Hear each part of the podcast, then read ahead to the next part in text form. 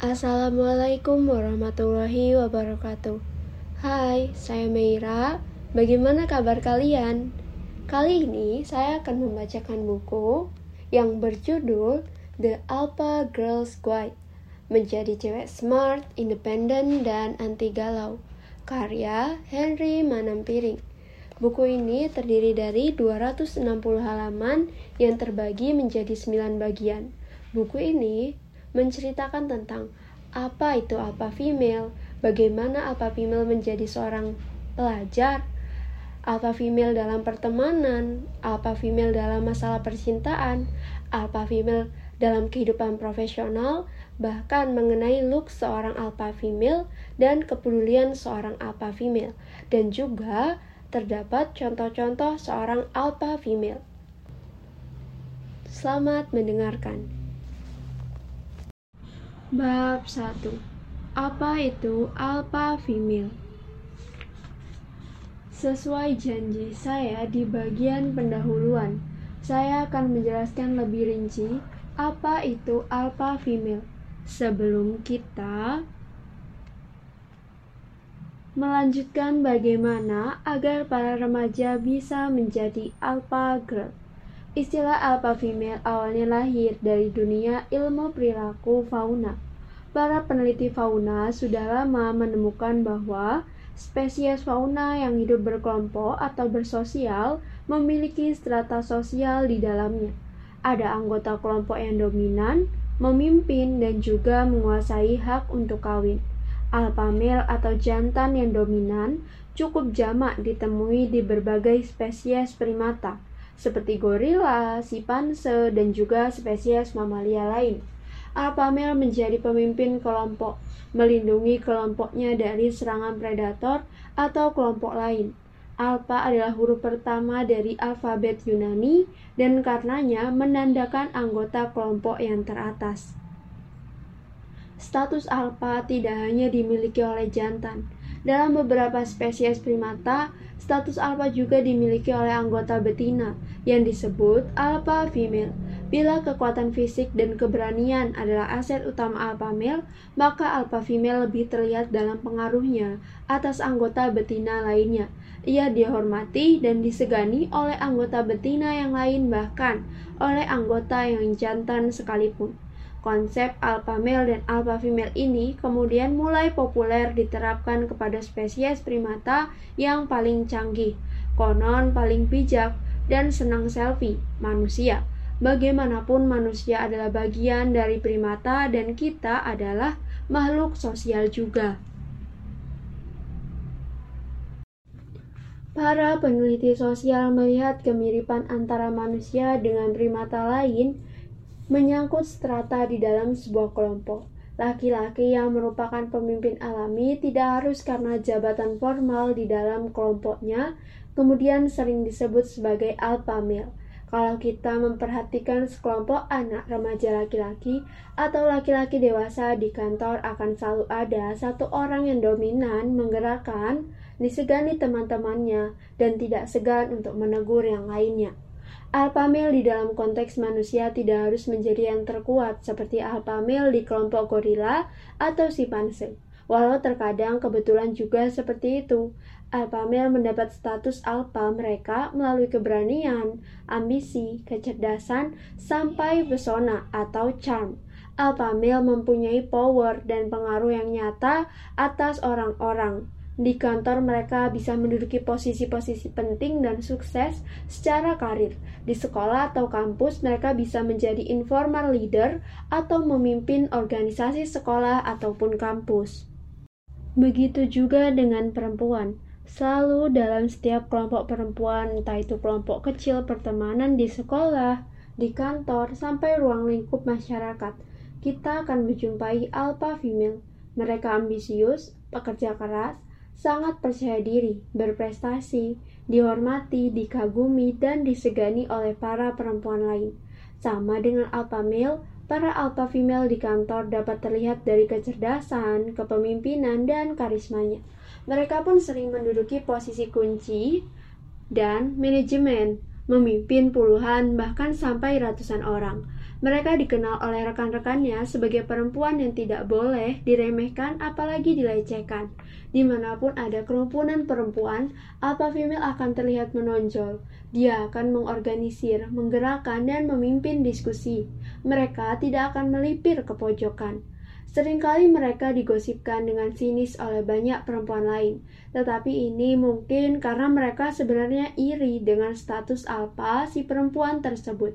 Alpha female tidak hanya disegani perempuan, tetapi juga laki-laki. Perempuan-perempuan ini sering kali membuat lawan jenis yang tidak percaya diri segan untuk mendekati. Alpha female bukan status yang bisa diklaim sendiri.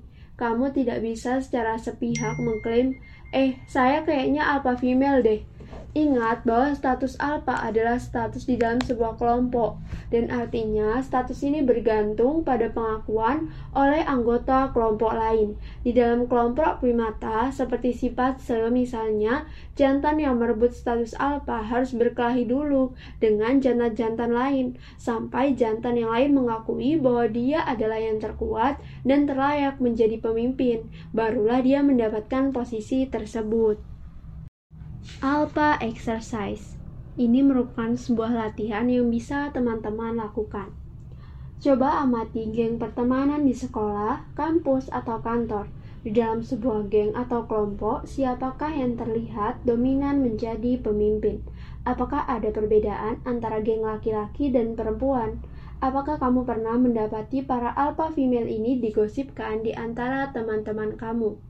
Saya sering mendapat pertanyaan, apakah perbedaan alpha female dan Miss Independent? Ada yang menggabungkan definisi keduanya, tetapi ada juga yang membedakan. Saya cenderung membedakan keduanya. Perbedaan sederhananya seperti ini. Alpha female sudah pasti Miss Independent. Miss Independent belum tentu alpha female. Sifat independen adalah salah satu karakteristik alpha female. Namun yang membedakan seorang alpha female dari perempuan independen biasanya adalah dia memiliki power dan pengaruh atas orang-orang lain. Seorang alpha female menjadi leader of the pack atau pemimpin atas kawanan. Ia juga memiliki pola pikir yang diikuti oleh orang-orang lain, atau bahkan bisa menggerakkan orang lain untuk mencapai tujuannya. Sementara seorang perempuan independen tidak harus ingin memimpin atau mempengaruhi orang lain. Dia hanya nyaman dengan dirinya sendiri dan tidak harus memimpin orang lain. Karenanya, alpha female berjumlah jauh lebih sedikit daripada Miss Independent. Banyak yang bertanya kepada saya, Apakah alpha female itu dilahirkan atau melalui faktor genetis atau bisa dilatih dan dikembangkan? Saya merasa kedua faktor tersebut sama-sama berpengaruh.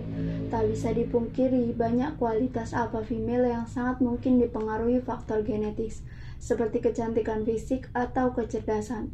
Dari pengamatan saya terhadap para alpha female di kehidupan nyata, mereka benar-benar bekerja keras untuk mendapatkan posisi alpha mereka.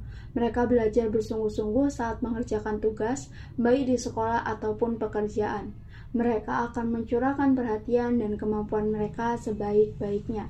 Di dalam kegiatan hobi atau olahraga, mereka juga akan menghabiskan waktu berjam-jam untuk meningkatkan keahlian mereka. Tak ada alpha female yang saya kenal malas-malasan atau kerja tidak niat.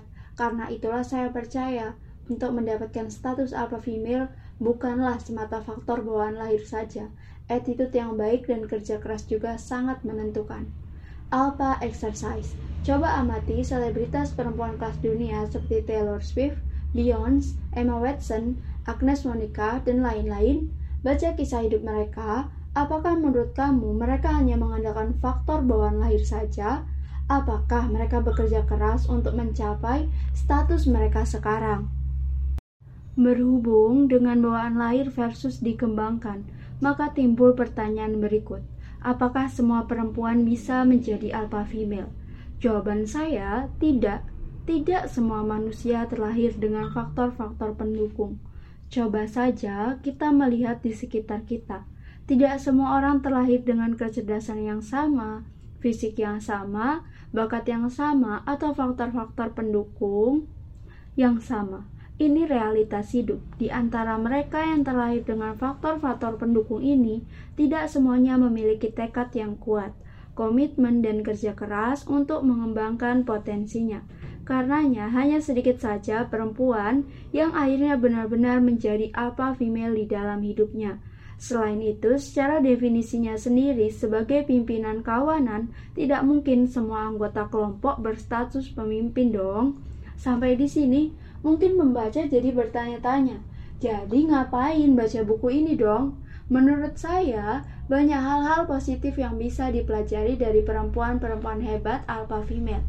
Bahkan kalau kita tidak akan pernah mencapai status pemimpin nantinya, perilaku, attitude, dan semangat para alpha female tetap layak dipelajari untuk membantu diri kita menjadi lebih baik dan tidak menyia-nyiakan potensi kita.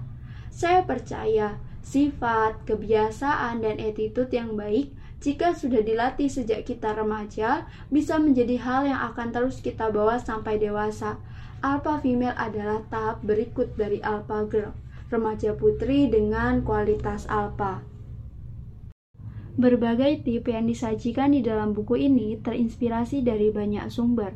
Pekerjaan saya di dunia marketing dan periklanan banyak mengharuskan saya mengerti tentang manusia dan perilakunya. Inspirasi mengenai alpha female juga datang dari banyak teman, kolega, ataupun figur-figur inspiratif lain yang belum sempat saya temui langsung.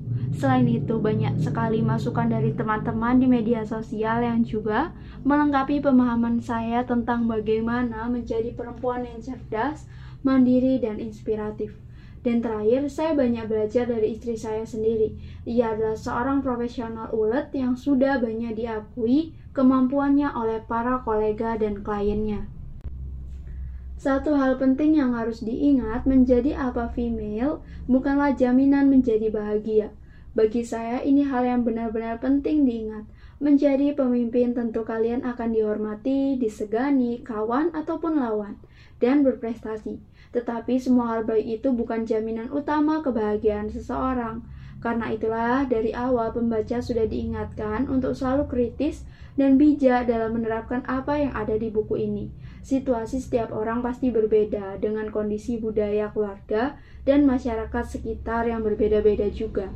Untuk memudahkan pembaca dan juga saya sendiri sebagai penulis, saya akan membuat berbagai kategori beberapa kategori sesuai dengan berbagai aspek hidup yang mungkin dijalani oleh pembaca.